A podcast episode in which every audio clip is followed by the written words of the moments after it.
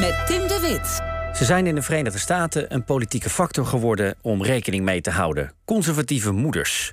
Republikeinen omarmen in de aanloop naar de tussentijdse verkiezingen, de midterms, de zorgen van deze moeders over wat zij woke onderwijs noemen.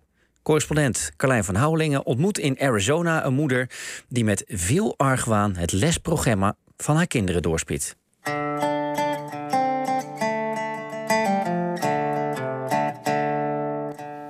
Please join me in the Pledge of Allegiance.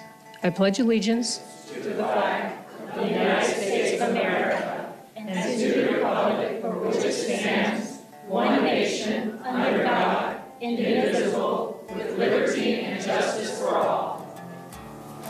Good evening, everybody, and welcome. Board members, I do need a motion to convene our public hearing. Het is een gekke plek misschien, maar in dit soort bestuursvergaderingen op scholen woedt wat misschien wel een van de felste politieke en culturele gevechten van Amerika is op het moment. to create a divide in America by trying to shame kids into apologizing something Ouders maken zich boos over lessen over racisme. about seeing and valuing humanity, not colors. Thank you, Ms. Wood. If it's going En het gaat inmiddels ook veel over aandacht voor LHBTI, transgender en seks in de klas.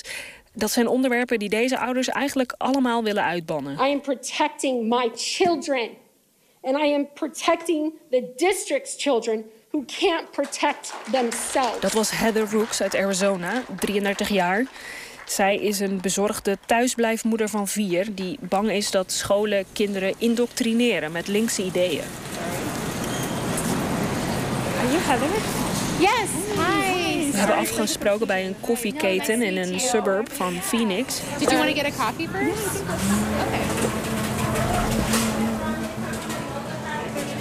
En ze heeft drie enorme multimappen op tafel gelegd. What, what is in them?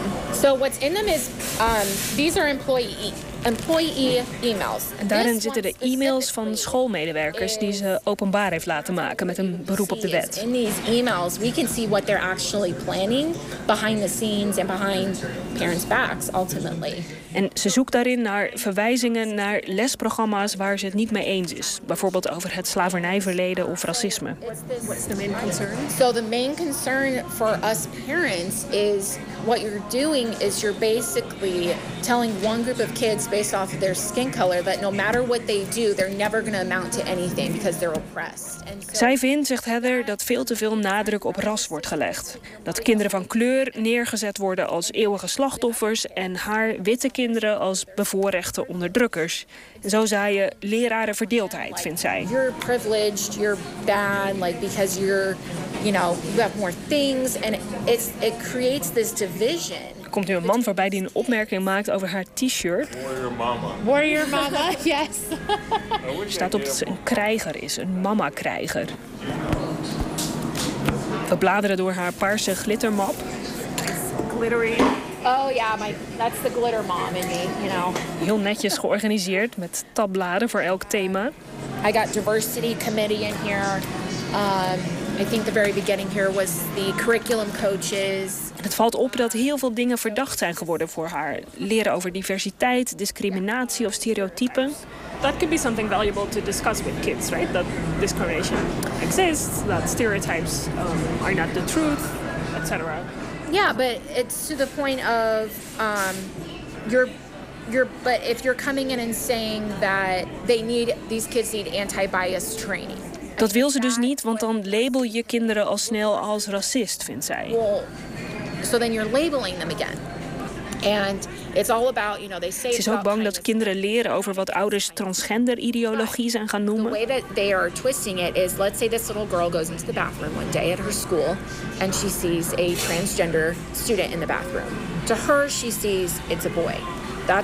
Ze is bang dat haar dochter zich ongemakkelijk gaat voelen in de toiletruimte. Maar transgender. kinderen dan? Hoe vinden zij hun plaats op school?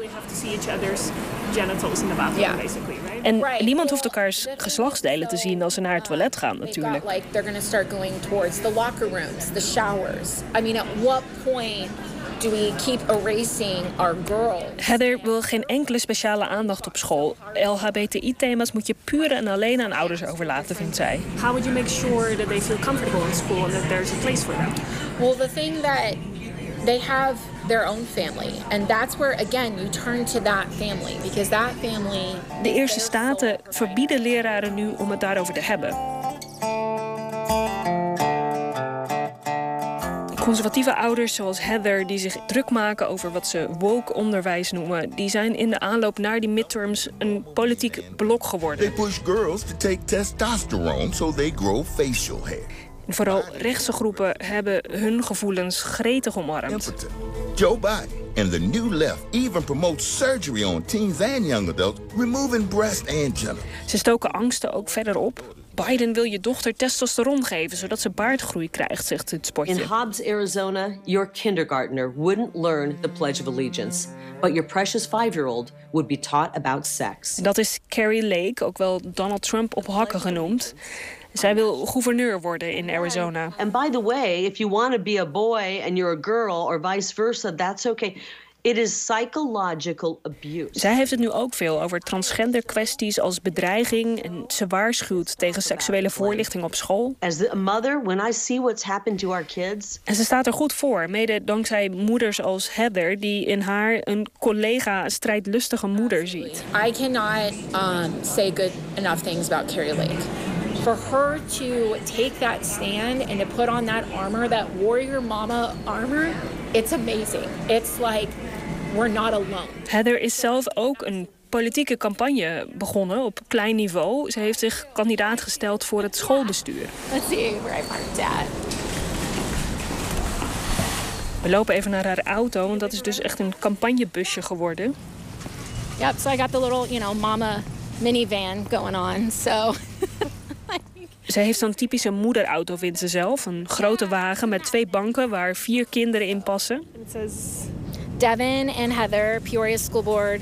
And then at the bottom we put parental rights. En op de zijkant staat nu een campagnefoto met het woord oude rechten eronder. Zo vat ze het zelf samen. Ze is de afgelopen weken op campagne geweest met een andere moeder. Je komt hier overal borden met hun namen tegen. Hey guys! so, we are putting up a sign. En ze krijgt officieel steun van Carrie Lake, die gouverneurskandidaat van de Republikeinse Partij. Climb the hill, that's how dedicated we are for our Peoria students, parents, community. En zo hoopt rechts-Amerika op de verkiezingsdag niet alleen invloed in het congres te veroveren, maar ook van onderaf een conservatieve wind door het land te laten waaien. Heather, say hi. Hi! Yes, we're excited to be here today. We're going to collect some signatures and, um, you know, running for school board. Let's do this.